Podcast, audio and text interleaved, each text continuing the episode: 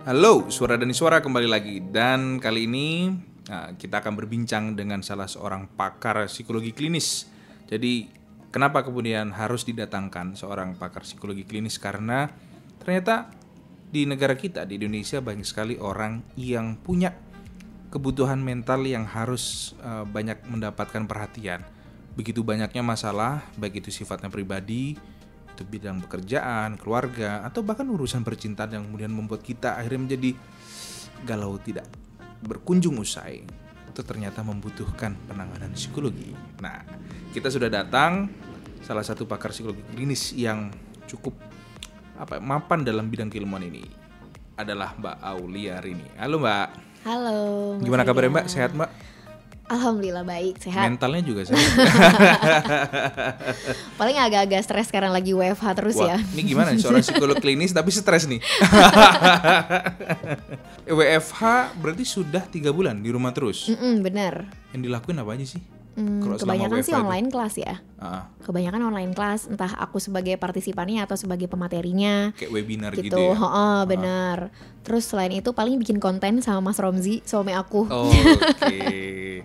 Apa kontennya juga seputar mental illness kayak gitu? Hmm, kadang-kadang sih enggak, kadang-kadang eh, iya eh, aku bikin konten yang memang tujuannya itu adalah untuk mengedukasi gitu ya Hmm. audiens. Tapi lebih banyak sih kontennya hanya untuk menghibur aja, biar mereka punya bahan untuk ketawa gitu di rumah. Jadi ini ya, selain jadi psikolog, jadi komedian juga. Tapi biasanya komedian itu memang adalah obat untuk penghilang stres. Nah, sih. bener banget.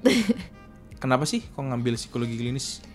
Ambil psikologi klinis itu mm, awal mulanya sih gara-gara udah dari dulu tuh Mas. Ah. Dari pas aku masih kelas 3 eh 2 SMA lah baca novel, kebetulan tokoh utamanya di sana adalah seorang psikolog klinis. Terus kayak eh, mesmerize gitu dengan cara dia menyikapi orang lain, terus cara dia menganalisa masalah orang lain. Terus kayaknya tuh kehadiran dia itu kayak bikin orang lain happy gitu. Jadi Ya. akhirnya aduh tertarik deh kayaknya mau coba ambil ilmu itu. Jadi dari S1 langsung sengaja ngambil psikologi. Apa yang didapatin ketika ngambil psikolog di klinis itu? Itu memang sudah penjurusan ya waktu ngambil fakultas psikolognya ya? Eh, biasanya sih kalau S1 itu ya masih umum ya, masih Iya. psikologi umumnya Ah. gitu. Nanti pas udah S2 baru kita bisa ngambil profesi, bisa klinis, bisa organisasi, bisa pendidikan. Kebetulan aku ngambil yang klinis pas S2-nya. Itu apa spek speknya di mana sih? Spesialisasi dari psikologi klinis tuh membidangi apa aja sih sebenarnya? Hmm, karena namanya juga klinis ya, Ya, ha. Ada embel-embel klinisnya, berarti biasanya sih erat kaitannya sama eh, profesi yang adanya tuh di primary care kayak di rumah sakit Oke. atau di puskesmas. Sekarang di puskesmas ada loh psikologi mas. Oh ya? Heeh, udah di cover juga sama, sama BPJS. Hmm. Jadi orang dengan lebih mudah lagi kalau mau, maksudnya aksesnya udah lebih gampang lagi kalau mau ke psikolog gitu nggak mahal. Nah itu biasanya menangani dari eh, individu yang punya permasalahan umum gitu ya, kayak Ya. masalah cinta, masalah keluarga dan sebagainya, sampai yang benar-benar punya masalah gejala klinis gitu kayak eh, depresi, kecemasan, terus lebih parahnya yang ke arah psikotik yang mungkin aja nantinya jadi klien di rumah sakit jiwa gitu. Jadi kalau kita putus cinta bisa ya? Oh, bisa banget. jadi sekalian dokter cinta ya jadi iya benar. Apa sih yang bisa dipakai ketika kita sudah selesai nih pendidikan di psikologi klinis ini dalam di- kehidupan nyata?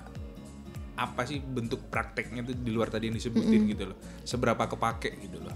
Hmm, sebenarnya sih kepake bahkan ketika kita pun akhirnya memutuskan jadi ibu rumah tangga nih ya nggak ngambil profesi yang Iya. uh, profesional gitu itu juga kepake bahkan pas lagi uh, apa sih misalnya uh, mengelola hubungan sama pasangan terus pas lagi punya anak itu bisa Iya. nerapin ilmunya tapi kalau misalnya di dunia yang lebih profesional eh banyak sih karirnya entah jadi dosen atau jadi psikolog rumah sakit psikolog puskesmas atau eh, jadi trainer biasanya Iya. pengembangan diri gitu kan banyak deh pokoknya Hipnoterapi profesinya. itu bagian dari itu juga gak sih? Kan kita sering dengar hipnotis tapi disebut sebagai terapi gitu loh. Iya, Eh, bagian sih. Jadi ada namanya deep psychology itu mempelajari psikologi psikologi yang dalam kayak termasuk di dalamnya itu prakteknya kayak eh, meditasi, terus terapi tawa, terus tadi hipnoterapi. Cuman kalau di pendidikan formalnya sih itu dibahas secukupnya aja. Kalau misalnya kita mau jadi expert harus ngambil pelatihannya lagi gitu, kayak semacam sertifikasi. Oh, tapi itu di luar pendidikan ya? Mm-mm. Ada lembaga kursusnya sendiri berarti Iya, kayak gitu ya. Nah, kita bicara soal uh, mental di Indonesia apa sih menjadi beban atau menjadi masalah terbesar orang-orang Indonesia terkait dengan uh, kesehatan mental? Yang aku tahu ya, nggak tahu kalau datanya udah berubah grafiknya. Nah, sebelum ada corona aja nih ya, sebelum ada pandemi dan kita harus stay at home, eh, kasus depresi itu termasuk kasus eh, kondisi psikologis yang paling banyak terjadi Ya. di Indonesia terutama. Dan depresi juga menjadi salah satu penyebab orang banyak yang meninggal gitu karena banyak yang akhirnya berakhir dengan bunuh diri gitu, Mas. Jadi masalah depresi itu menjadi salah satu masalah utama kesehatan mental di Indonesia. Nah, di dunia juga kayaknya ini menjadi salah satu eh, concern yang sangat eh, diutamakan gitu ya sama berbagai pihak sampai akhirnya kan kalau nggak salah di SDGs juga ada salah satunya adalah kesehatan mental itu kan goalsnya yang harus dicapai gitu. Jadi kayaknya sih emang sangat eh, menjadi concern gitu di dunia dan Indonesia. Eh, terus sekarang apalagi setelah ada pandemi ini, semakin lah tuh kondisi kesehatan mental kita diperhatikan karena kan itu kayak secondary eh, apa sih impact gitu ya dari adanya pandemi ini orang di rumah aja nggak bisa ngapa-ngapain, terus ada ketidakpastian, ada Iya. ketakutan, Ah. nggak sedikit yang akhirnya jadi ngalamin ngerasa kayaknya dia punya gejala corona padahal sebenarnya cuma flu biasa gitu kan. nah, itu. Mm-mm. Nah, banyak banget nih. Maksudnya bahkan di awal-awal aku sendiri juga ngerasa bahwa aduh, kalau sudah mulai ada ba- bahkan sering ngecek leher sendiri nih. Ini anget nggak ya? Anget nggak ya badannya? Iya bener. se separno itu gitu, separanoid itu kita terhadap virus ini karena kan memang pemberitaannya juga uh, besar banget kan bahwa Iya. ini adalah penyakit yang yang merupakan pandemi, mematikan, tingkat kematian di Indonesia juga tinggi semakin hari gitu Iya. kan. Bahkan tertinggi di Asia Tenggara kan hari ini. Nah, ini bisa mempengaruhi kesehatan mental kita nggak sih ketika kita punya ketakutan terhadap sebuah penyakit apalagi ini kayak uh, virus COVID-19 gitu. Iya, sangat sangat bisa mempengaruhi mas. Iya. Apalagi nantinya nih ujung-ujungnya kalau misalnya kondisi mental kita terganggu, eh, misalnya mengalami stres gitu ya, Iya. under pressure, itu sangat eh, mungkin kita jadi beresiko juga turun daya tahan tubuhnya mas. Makanya kan akhirnya pemerintah juga sekarang bukan cuma mengkampanyekan soal protokol pencegahan COVID yang kaitannya sama fisik kita tapi juga sama mentalnya kan Iya. memastikan ya udah kalau misalnya emang mm, semakin cemas setiap hari gara-gara nonton berita tahu kasus mendingan udah di stop dulu nggak usah nonton berita dulu gitu kan karena emang ujung-ujungnya ntar juga ke fisik kita juga gitu Hmm. Iya, ngaruhnya Mm. Jadi ada kekhawatiran baru ya di luar kita terkena penyakit COVID itu iya sendiri. benar Apakah new normal ini bagian dari untuk menjawab supaya mental orang-orang Indonesia juga tidak terlalu terganggu dengan dengan apa namanya ya pandemi ini Iya. gitu supaya tidak terlalu ketakutan gitu nggak sih sebenarnya? sangat mungkin ya mas mungkin Ah. meskipun jadi muncul ketakutan baru sih Iya. misalnya orang tua yang parno eh, melepas anaknya ke sekolah karena udah safe nih belum di sekolahnya protokolnya dan sebagainya jadi kan muncul ketakutan yang lain gitu tapi seenggaknya kan eh, kalau ngeliat siklusnya tuh di awal kayak ada panik buying itu kan Ya. terus udah gitu semua orang psikosomatis banyak yang ngeluh ke dokter dengan gejala yang mirip ternyata ya baik-baik aja gitu Ya. nggak ada kondisi fisik itu kan sebelum itu siklus di awal nih ya pertama kita tahu pandemi. Sekarang kan kayak siklusnya tuh eh, emosinya mulai menurun ya. Kita Ya. udah nggak secemas dulu gitu atau sudah terbiasa mungkin dengan situasi ini. Tapi adanya new normal itu kan memunculkan pertanyaan-pertanyaan baru gitu kan. Kayak kasus masih banyak kok kita new normal gitu. Tersiap nggak nih kita harus berangkat ke kantor anak kita gimana dan sebagainya. Jadi eh, selesai dari siklus pertama ada siklus kedua nih new normal ternyata juga bisa memunculkan ketakutan untuk beberapa pihak tapi untuk banyak pihak lainnya itu kayak kayak apa ya relaksasi gitu untuk melegakan diri sejenak supaya bisa refreshing nggak di rumah aja dan sebagainya gitu. Apa sih yang bikin orang itu mudah stres? Hmm, banyak faktornya ya mas kayak kayak aku pribadi nih bahkan seorang psikolog pun bisa stres loh mas. Oh, karena ngurusin banyak orang stres. eh iya bener-bener tapi emang tadi tuh ya sesuai banget sama statement yang disampaikan eh, Mas Riga bener banget tuh ada resonansi biasanya antara satu orang dengan orang lainnya. Terutama kalau orangnya deket secara emosional terus secara fisik pun deket setiap hari barengan. Kalau yang satunya stres sangat mungkin kayak tertular gitu ke yang Iya. satunya kayak flu gitu ya. Iya, iya. Cuma bedanya mungkin bukan yang kayak virusnya nemplok gitu, tapi lebih ke resonansi kayak energi mungkin ya. Jadi akhirnya kalau satu stres bisa aja satu keluarga yang lainnya juga ikutan stres. Tapi kalau tadi ditanya faktornya sih banyak mas, kayak misalnya eh, faktornya itu kemampuan kita eh, eh ke- kemampuan kita untuk bisa menalar sesuatu secara lebih positif. Kan ada tuh orang ngelihat menghadapi masalah yang sama, tapi yang satu tuh bisa positif aja. Iya. Yang satu tuh kayaknya apa-apa negatif, parnoan gitu kan. Melihatnya selalu dari sudut pandang yang negatif. Nah, itu bisa bisa jadi orang yang lebih mudah stres. Terus udah gitu juga Jadi kalau orang berpikir positif itu itu artinya jauh lebih memungkinkan untuk tidak terkena stres ya. Mm-mm. Ah, tapi stre- eh, positifnya bukan yang dibuat-buat ya, Iya. bukan yang karena normatif dia berusaha faking good gitu tuh Iya. bukan, tapi memang karena pola dia berpikir cenderung ke arah yang positif Dan itu sudah gitu. given biasanya atau bisa dikrit oleh diri kita sendiri sih cara berpikir positif itu Bisa dan biasanya sangat dipengaruhi sama pola asuh, lingkungan sekitar dan sebagainya. nah penyakit di Indonesia yang berkaitan dengan uh, mental itu apa aja? Yang yang ya dua besar lah. Eh, kayaknya depresi, Ah, terus satunya lagi apa ya? Psikosomatis menurut saya tuh lumayan sering ya. Psikosomatis itu yang kayak dia ngerasain ada gejala fisik padahal sebenarnya nggak ada penjelasan medisnya. hmm, gitu. Karena aku pernah waktu itu eh, pernah praktek eh, kerja praktek gitu kan di Iya. puskesmas. Dan banyak banget dokter yang nge-refer pasien yang dia punya keluhan fisik tapi dia tuh nggak punya sakit gitu. Oke. Itu banyak banget tuh yang kayak gitu. Tapi kayak maksa gitu loh. Bahkan ketika dokternya udah ngomong pun dia masih kayak ih dokter tuh kayak coba dicek lagi deh. Mungkin ada yang salah gitu. Kayak masih yakin banget kalau dia itu sakit. Seapatis itu ya. Padahal sudah sama expertnya gitu ya padahal ya. Mm, mm, mm. kalau bipolar itu gimana Kalau bipolar itu satu eh, apa ya satu persaudaraan sama depresi ada di gangguan mood gitu ya masuknya. Cuma kalau depresi itu kan memang ditandai gejala utamanya adalah afek depresif ya kita ngerasa sedih, Ah. nggak berdaya, nggak berguna dan sebagainya. Kalau bipolar ya kayak kita ada di dua polar gitu antara depresi dan manik.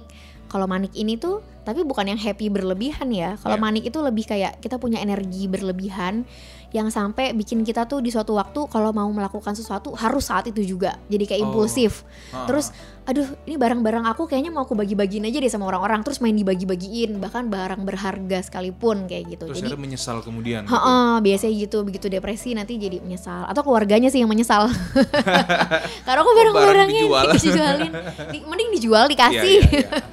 bipolar itu bisa disembuhin nggak?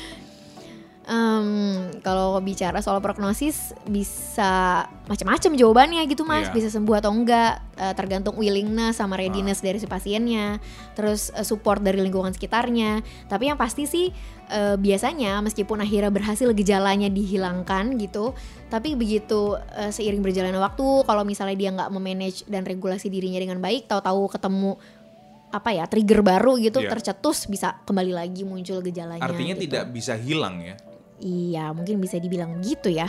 kan kalau kita bicara bipolar itu didefinisikan sebagai penyakit maka penyakit ada obatnya. Ada nggak sih obatnya sebenarnya? Atau hanya terapi saja? Bukan hanya ya. Uh, metode penyembuhannya apakah melalui terapi? Atau ada obat yang secara medis harus dikonsumsi gitu Kalau obat secara medisnya itu kayak menyasar ke gejalanya, Mas. ya Jadi ada sih farmakoterapi kan, terapi pakai obat untuk eh, pasien dengan atau klien-klien eh, bipolar.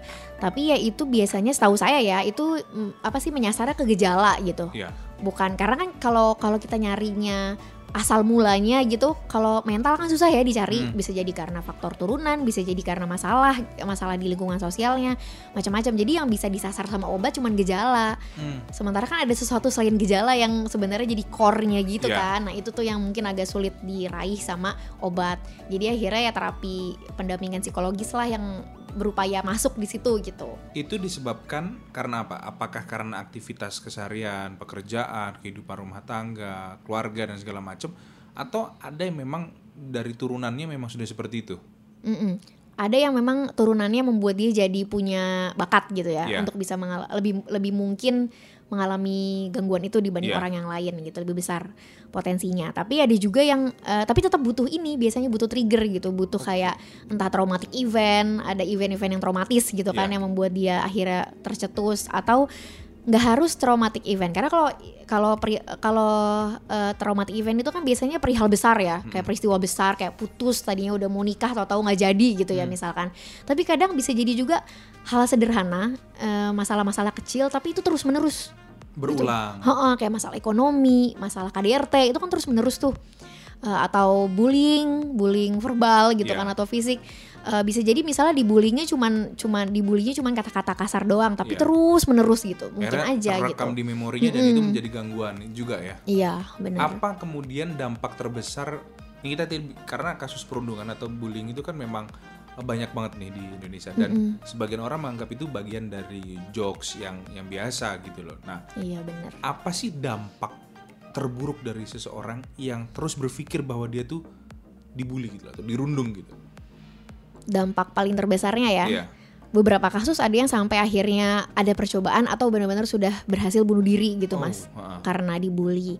Tapi nggak sedikit juga yang eh, dampaknya itu jangka panjang gitu mas. Iya. jadi mempengaruhi kepribadian dia secara keseluruhan. Misalnya dia jadi eh, mengalienasi diri nggak mau ngumpul-ngumpul sama orang sendirian aja. Konsep dirinya negatif akhirnya nggak pede. Eh, jadi untuk tugas-tugas besar kayak yang dia harus presentasi skripsi, tesis dan sebagainya akhirnya jadi kesulitan mau cari pekerjaan juga jadi susah karena pas wawancara dia udah ketakutan duluan gitu dan sebagainya Nah tadi bicara soal uh, tidak membuka diri dengan, dengan lingkungan luar. Artinya boleh nggak itu didefinisikan sebagai orang-orang yang introvert gitu? hmm, kayaknya beda sih mas Beda ya. Bedanya di mana? Kalau orang yang introvert eh, dia tidak membutuhkan alasan kayak ada peristiwa traumatis sebelumnya yang melatar belakangi gitu mas. Itu memang kayak karakter dan eh, memang karena kalau orang introvert itu kan tidak berinteraksi dengan orang lain atau membatasi interaksinya karena dia eh, mendapatkan energi itu ya dari diri dia dari dalam diri dia. Sementara kalau orang ekstrovert dia butuh eh, interaksi sama orang lain karena Ya. dari situ dia dapat energi gitu Ini masalah ini aja ya, mengeluarkan salurannya gitu ya. Mm-mm, mm-mm. Dan introvert itu normal masih. normal normal Menjadi banget. tidak normal itu seperti apa? Kalau berlebihan mungkin ya, sama aja sih mau yang over di extrovert atau introvert berlebihan, terus udah kayak gitu membuat dia akhirnya entah itu apatis sama lingkungan sekitar karena dia ngerasa ya gue bisa ini kok dapat energi dari dalam diri gue nggak butuh gue berinteraksi sama orang lain misalnya nggak butuh membangun jaringan. Terus eh, just in case tahu-tahu dia punya masalah, terus dia nggak punya siapa-siapa, baru dia sadar kan dan akhirnya semakin tertekan. Atau yang over ex- extrovert misalnya nanti malah jadi eh, saking butuhnya pengakuan dari orang lain nggak sedikit tuh yang membesar-besarkan prestasi yang dia punya, Hmm, membesar-besarkan kebaikan lebih, apa, diri super gitu. narsistik gitu ya. Dan dia jadi kayak narsis mungkin jatuhnya Ah, ya, ah, ah. kalau istilah anak zaman now. Jadi narsis itu pun juga ada batasnya ternyata ya. Mm-mm. Jadi sebenarnya Atau kan memang ketika orang sudah disebut narsis berarti dia sudah punya gejala gejala kelainan ini ya. Iya iya. Soalnya ada dua narsis nih mas. Kalau Ah. di psikologi narsis itu kan masuk gangguan ya, gang- Iya. gangguan kepribadian. Eh, sementara kalau narsis yang populer biasanya eh, adalah eh, terminologi yang kita gunain sehari-hari, itu kayaknya muncul karena untuk mudahnya kita melabel orang yang punya ciri-ciri misalnya kepedean, suka Oke. suka posting-posting foto selfie atau apa gitu kan. Jadi kita yang men- daripada kita susah men- menyebut mereka apa, jadi kita label itu narsis gitu. Mungkin berkaca dari cerita dulu kan yang katanya orang zaman Yunani yang suka banget sama diri sendiri Iya. terus dia ngeliat air itu kan, mungkin dari sana. Tapi kalau di dalam psikologi sih itu adalah eh, gangguan kepribadian yang itu butuh asesmen panjang buat kita diagnosa Sebentar. seseorang itu Benar, berarti Narsis. orang yang suka selfie punya gangguan kepribadian enggak? enggak enggak enggak. Belum tentu ya. Itu bisa jadi orang normal atau eh, eh, orang normal cuman dengan karakter dia yang memang suka Iya. apa ya mengekspos dirinya gitu. Tapi eh, kita kebingungan kan mau nyebut dia apa gitu. Jadi akhirnya kita label dengan sebutan narsis. Kalau tapi itu bukan hari gangguan. dia ada 10 postingan mukanya dia terus itu gimana tuh? Kita kan lihat tuh buka buka sosmed atau Instagram gitu kan isi story itu ada kali kalau kita tap sampai 10 kali dengan satu akun muka dia semua itu masih normal nggak tuh? soalnya gini mas eh, itu bisa jadi normal untuk lingkungan dia karena misalnya Ya. geng dia semuanya kayak gitu Oke. akhirnya buat dia yang normal itu yang kayak gitu gitu tapi buat kebetulan followers dia ada yang eh, punya standar yang berbeda soal normal mungkin menganggapnya kok nggak normal banget sih setiap hari posting muka yang sama gitu kan dengan berbagai angle gitu soalnya kalau gangguan itu kayak eh, lebih lebih dalam dari itu gitu mas. Bukan cuman masalah bukan cuman masalah eh, apa sih dia suka mengekspos dirinya tapi juga dia tuh kayak menuntut orang lain memperlakukan dia secara spesial gitu ada kebutuhan itu terus jadi lebih mudah marah kalau orang lain menganggap dia sama kayak yang lain kayak gitu loh mas ada banyak banget gejalanya bukan cuma sekedar Artinya jangan sampai pada kapasitas over itu tadi ya. mm-mm, Nah, kita tahu nih beberapa waktu lalu tuh kan ada tuh salah seorang kreator YouTube ya atau YouTuber itu siapa sih? Ferdinand Paleka. Nah, itu yang dia sampai di penjara. ya Dia tuh kan sebelum dia ditangkap oleh eh, apa aparat atau polisi itu dia kan sempat posting tuh bahwa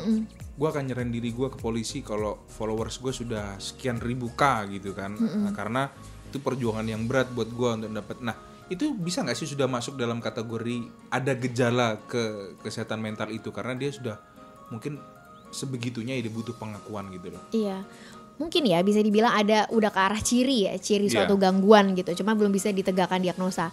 Tapi kalau ke ciri mungkin karena eh, ketika dia bahkan mau melawan yang seharusnya itu menjadi norma dia kan ya. Maksudnya kan dia kayak secara langsung dia kayak melakukan pelecehan ya ke orang lain ya Iya. kekerasan gitu dengan dia maksudnya maksudnya bercanda tapi caranya tuh nggak benar menyakiti hati orang gitu. Jadi kan dia sudah melampaui apa yang ada di batas moral kita gitu norma kita.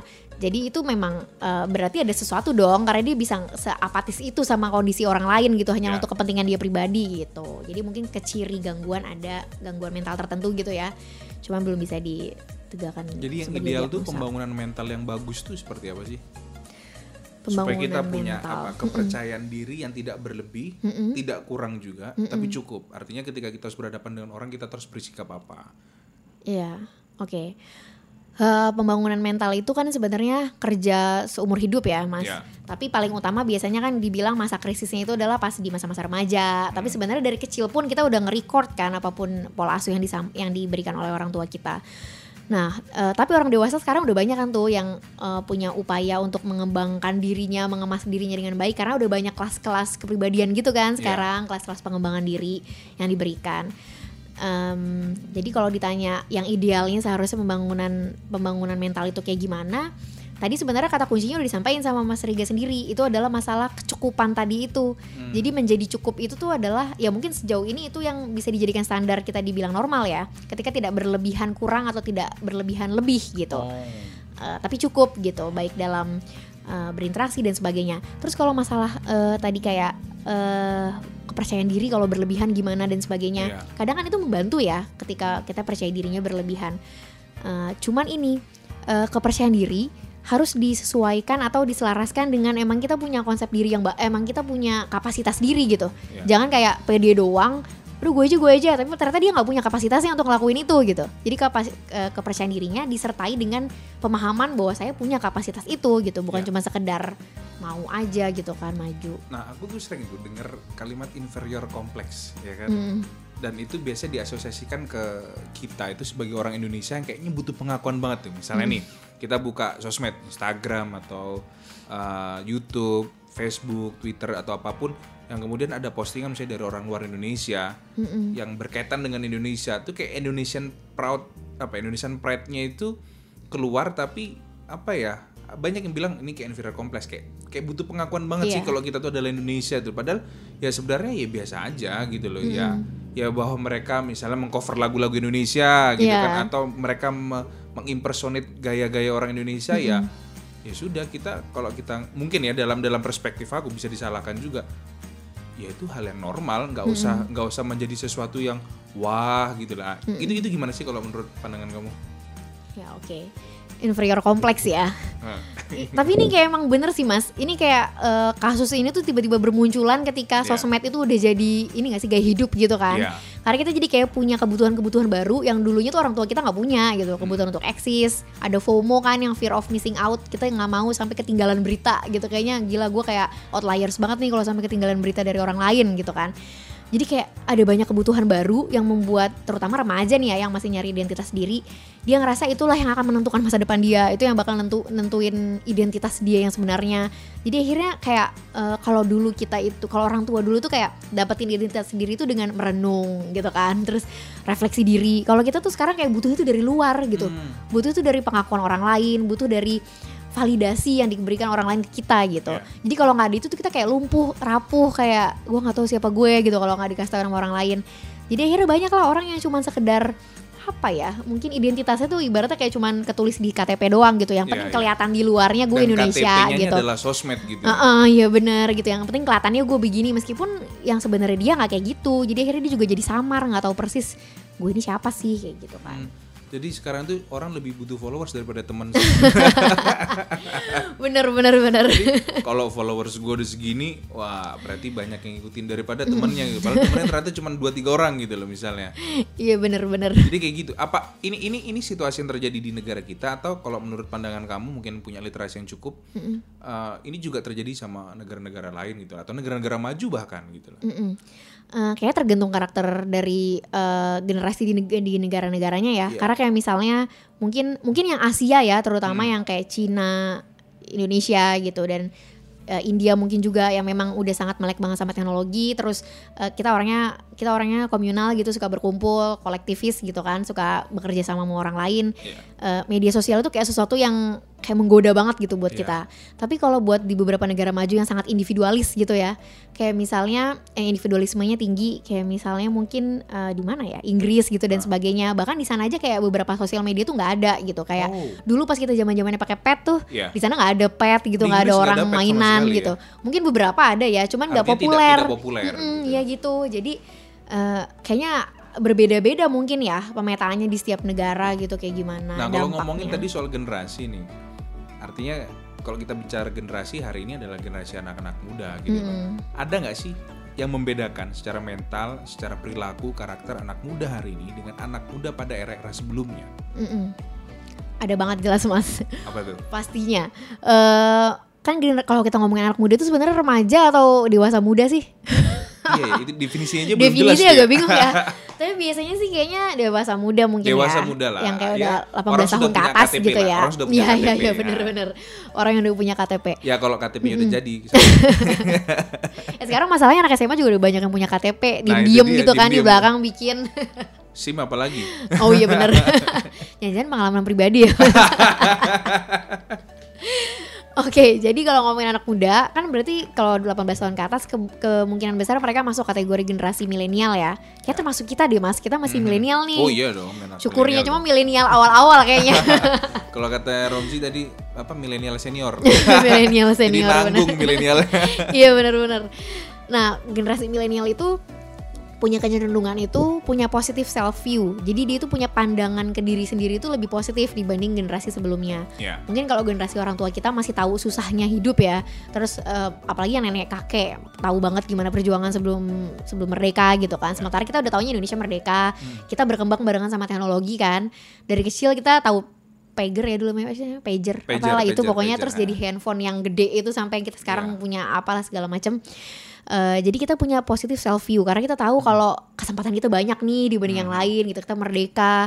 Terus udah gitu kita lebih toleransi terhadap perbedaan gitu kan nggak mau pu- ngambil pusing sama perbedaan dan sebagainya.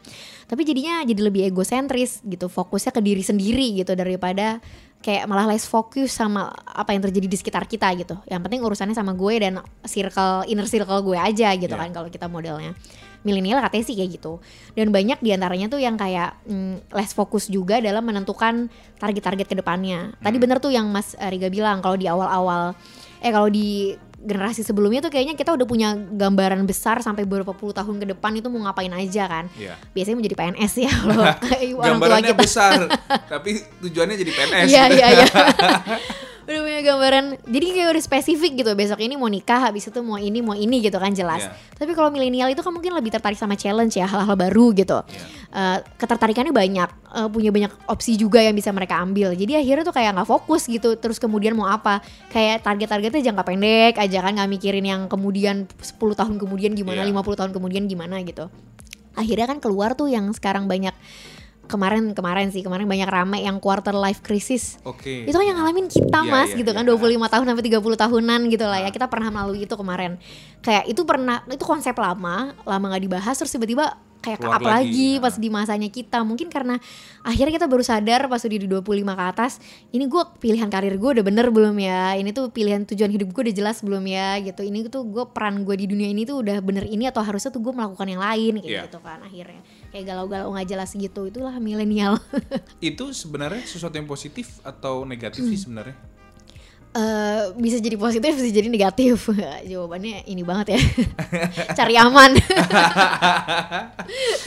Nggak apa-apa. Kita kita kita kasih ini aja maksudnya kita kasih argumen aja bahwa kalau positif itu seperti apa negatif. Gitu. karena karena gini kalau ini bicara soal ini kan karena ini sharing ya nggak harus juga tanya jawab saya nih kerja nih aku kerja di sebuah kantor ngerasain lah di di era aku atau mungkin jauh sebelum era aku orang kerja itu bisa 10 tahun 15 tahun gitu. iya benar lalu kemudian dia dia baru bahkan berpikir bahwa aku sudah layak untuk naik kan gitu Heeh. kalau anak-anak muda hari ini jangan kan 10 tahun, 5 tahun, satu tahun, dua tahun mereka merasa nggak dapat promote, ya mereka bisa check out dari kantornya gitu loh. iya benar Karena benar mereka mungkin punya tujuan yang jauh lebih apa ya?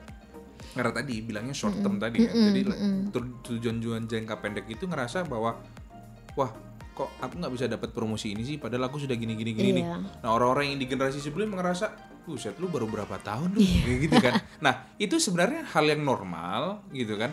Atau memang ini adalah satu hal yang baru gitu yang harus malah justru generasi-generasi lama bisa beradaptasi sama gaya anak muda dan tujuan dari anak muda hari ini itu bahwa mereka nggak nggak sepanjang kalian dalam berpikir itu gitu loh Jadi aku ngomongin positifnya dulu ya Iya. mas. Kayak yang tadi di, dijabarin itu bener banget yang terjadi di lapangan. Positifnya sebenarnya sih milenial dengan segala karakternya itu bikin mereka jadi lebih optimis kan memandang Iya. masa depan. Jadi mereka tuh nggak takut kalau harus resign gitu. Gue Hmm. pasti bisa dapat opportunity yang lain gitu kan di tempat lain yang mungkin lebih memanusiakan gue gitu sebagai Iya. employee. Nah eh, itu positifnya. Jadi mereka kayak lebih berani mengambil eh, resiko, lebih berani mencoba hal baru dan akhirnya itu jadi kayak mereka punya apa ya eh, punya diri yang berkembang terus gitu karena mereka mau nyoba-nyoba segala hal dan sebagainya.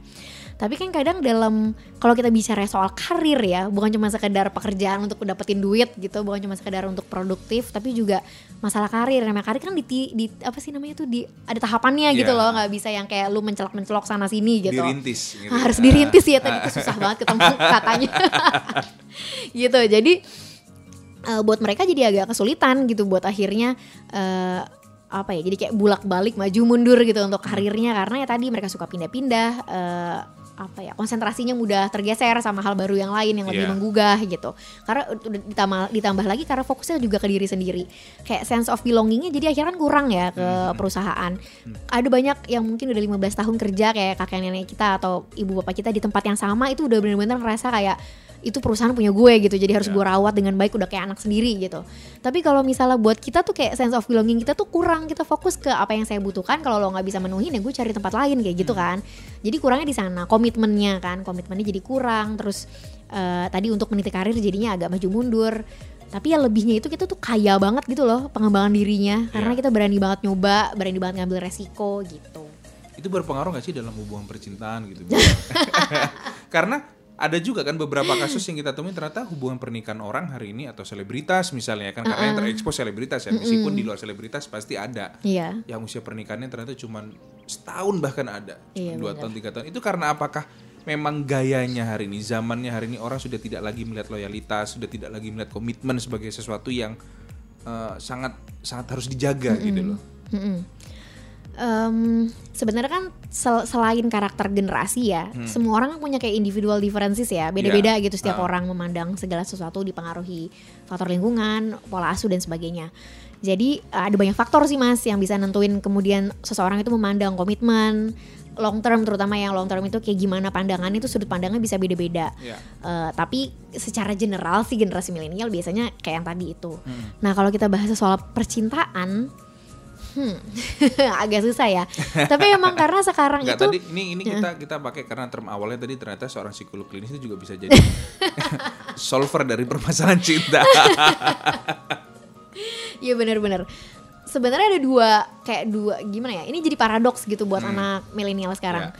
Aku ngeliatnya nih ya sekarang trennya lebih banyak anak milenial anak milenial yang lebih berani buat eh, memutuskan nikah lebih cepat. Iya gak sih? Iya. Dulu kan kita kayak kayaknya awal kayak milenial tua kayak kita nih, Iya. kita kan agak lebih mikir-mikir ya kayak mumpung Siap nggak punya ya? Siap nggak ya? Mm-mm. Gitu ya. Terus mumpung punya kebebasan kalau orang tua dulu usia 18 sudah nikah, kita sekarang bebas memilih kapan aja mau nikah gitu kan. Jadi ya udahlah nanti-nanti aja mau berkarir dulu. Tapi kayak kok sekarang mulai muncul lagi ya trennya orang-orang anak muda tuh pada nikah habis lulus SMA langsung nikah gitu. Jadi eh, mereka kayak dipertanyakan komitmennya, tapi kok mereka sendiri yang membentuk komitmen itu lewat pernikahan dini gitu. Itu paradoksnya sa- sama kemudian akhirnya terjadi kegagalan pernikahan. Nggak tahu apa kemudian mereka apa ya semacam eh, merendahkan makna dari sebuah komitmen sehingga Iya. dengan mudahnya mereka melakukan itu kan akhirnya Eh, bisa jadi itu dampaknya tadi mereka jadi merendahkan makna dari komitmen atau eh, sedang belajar untuk memahaminya tapi akhirnya malah gagal di tengah jalan gitu karena tadi mereka masih mau mencoba hal baru mengambil resiko dan sebagainya. Nah, gimana cara kita bukan cara sih maksudnya ya, apa ya bahasanya ya supaya teman-teman atau anak-anak muda ini di luar segala sisi positifnya itu tadi mereka juga memiliki komitmen yang baik gitu loh. Bahwa sesuatu itu harus dijaga sesuatu itu harus dirawat entah itu hubungan entah itu keluarga entah itu properti mungkin gitu kan kita nggak tahu apa pun itulah bentuknya itu ada nggak sih teknik kemudian dari sisi pembangunan mental tuh supaya kita tuh menumbuhkan apa sense of belonging tadi yang kamu sebut itu gimana? Iya. Oke, itu sebenarnya paling utama sih kerja utamanya di keluarga ya, jelas. Tapi kan sekarang masalahnya milenial udah pada gede nih. Dan akses informasi itu kan Mm-mm. sangat luas banget ya. Kalau kita dulu asupan informasi pasti uh, layernya adalah orang di atas kita, orang tua, kakak atau guru. Nah, kalau sekarang tanpa mereka pun mereka sudah bisa akses internet kan gitu kan? Iya, Nah, bener. Iya, Eh, susah sebenarnya mas. Karena gini, tadi ya milenial itu mereka sadar benar melek banget sama hak-hak yang mereka punya. Jadi mereka ngerasa kayak gue punya rights dan bakal gue manfaatin dengan baik gitu. Beda halnya sama orang dulu yang lebih Oke, gue punya hak, tapi gue punya kewajiban juga. Tapi gue juga punya norma yang harus dijaga, etika, eh, harga diri keluarga dan sebagainya gitu kan. Tapi kalau milenial tuh fokus ke haknya, ya dia melakukan misalnya gini, orang dulu tuh eh, susah banget untuk akhirnya memutuskan bercerai gitu. Karena meskipun mau suaminya selingkuh kek atau KDRT kek mikirin harga diri keluarga mikirin bagaimana nasib anak dan sebagainya. Tapi kalau misalnya kita bicara soal pasangan muda sekarang nih ya yang kemudian nikah terus eh, tanpa adanya dibangun dengan komitmen yang kuat terus abis itu ada eh, permasalahan keluarga bisa jadi lebih kecil dari masalah yang pernah dihadapi orang tua tapi akhirnya dengan mudahnya dia bisa menuntut karena dia tahu dia punya hak dan fokus dia tuh ke hak gitu. Lebih Ya. melebihi fokus pada soal moral soal nilai dan sebagainya gitu misalkan. Jadi kalau misalnya tadi pertanyaannya terus gimana supaya kita bisa memupuk lagi gitu ya supaya mereka jadi punya sense of belonging punya komitmen yang tinggi value-nya yang harus dibenerin nih. Dan kalau ngomongin value eh, awalnya jelas eh, tempat belajar pertama adalah di orang tua tapi karena berhubung milenial sekarang udah pada gede ya yang paling berpengaruh sekarang adalah ya signifikan others di sekitarnya kayak temennya lingkungannya eh, apalagi ya partner kerjanya dan sebagainya pokoknya orang-orang yang berinteraksi sama dia kalau dia ketemu lingkungan yang kebetulan eh, punya value yang bagus ya dan berupaya untuk internalisasiin itu ke yang lain sangat mungkin nanti akhirnya di- itu jadi kebentuk juga di diri dia. Value itulah yang menyelamatkan dia dalam uh, memahami komitmen. Bukan cuma hak gue doang yang harus diperjuangin, tapi ada value, ada re- responsibility gitu kan. Ada Iya. banyak hal yang harus dipertimbangin juga nih sebelum ngambil langkah gitu. Nah, jadi itu sih yang paling berpengaruh. dan itu bisa ya, maksudnya proses itu bisa diciptakan ya. Bisa, tapi kayak butuh proses karena kayak kalau untuk dari tahu menjadi tidak, tidak tahu itu kita cuma butuh sejam ya Hmm. gitu kan. Tapi kalau untuk eh, dari tidak bisa menjadi bisa gitu itu kayak Yang butuh waktu itu ya. karena butuh pembiasaan gitu, Mas. Nah, oke, di sesi terakhir ini. Hmm. Tadi sudah seru-seruan, ini sesi terakhir kita penutupan biasa di podcast ini selalu ada pertanyaan yang harus dijawab, ada pilihannya. Oke. Langsung dipilih. Dapat hadiah nggak? Dapat. Terima kasih. Oke ya. Pertanyaan pertama. Pilih chat atau telepon? Telepon. Lebih singkat sebenarnya chat lebih biasa Iya ya. kalau nggak main itu. Terus kemudian lanjut sekolah atau punya anak? Lanjut sekolah. Aduh gimana dong? Mohon maaf ibu mertua kalau dengar. Suami sudah aman ya? Kalau lanjut sekolah dulu ya. Eh, semoga. Nggak tahu kalau, tahun ini aman, nggak tahu kalau tahun depan berubah. Terakhir. Nemenin suami jalan-jalan atau tidur di rumah? Kayak tidur di rumah deh. Bodoh amat ya suami mau ke mana? perubahan soalnya. Oke, makasih Mbak Oliar ini kita pembicaranya seru banget dan ini bicara soal mental dan anak muda ternyata memang situasi kita tuh juga nggak bisa dibilang gampang, nggak bisa dibilang sulit juga. Tapi bagaimana kemudian kita beradaptasi itu tadi karena anak-anak muda ternyata punya stylenya sendiri, mereka punya patternnya sendiri. Per- permasalahannya adalah siapa yang harus beradaptasi anak muda kah atau orang generasi-generasi sebelumnya dan Bener itu tentu tuh, pasti butuh kompromi ya Mm-mm, kompromi betul. bersama. Jadi egoisme itu pasti ada di dua sisi ini kan. Nah, mempertemukan ini adalah proses panjang itu tadi ya. Iya. Oke, terima kasih Mbak Ulia. Kita akan ketemu lagi di konten-konten selanjutnya. Terima kasih.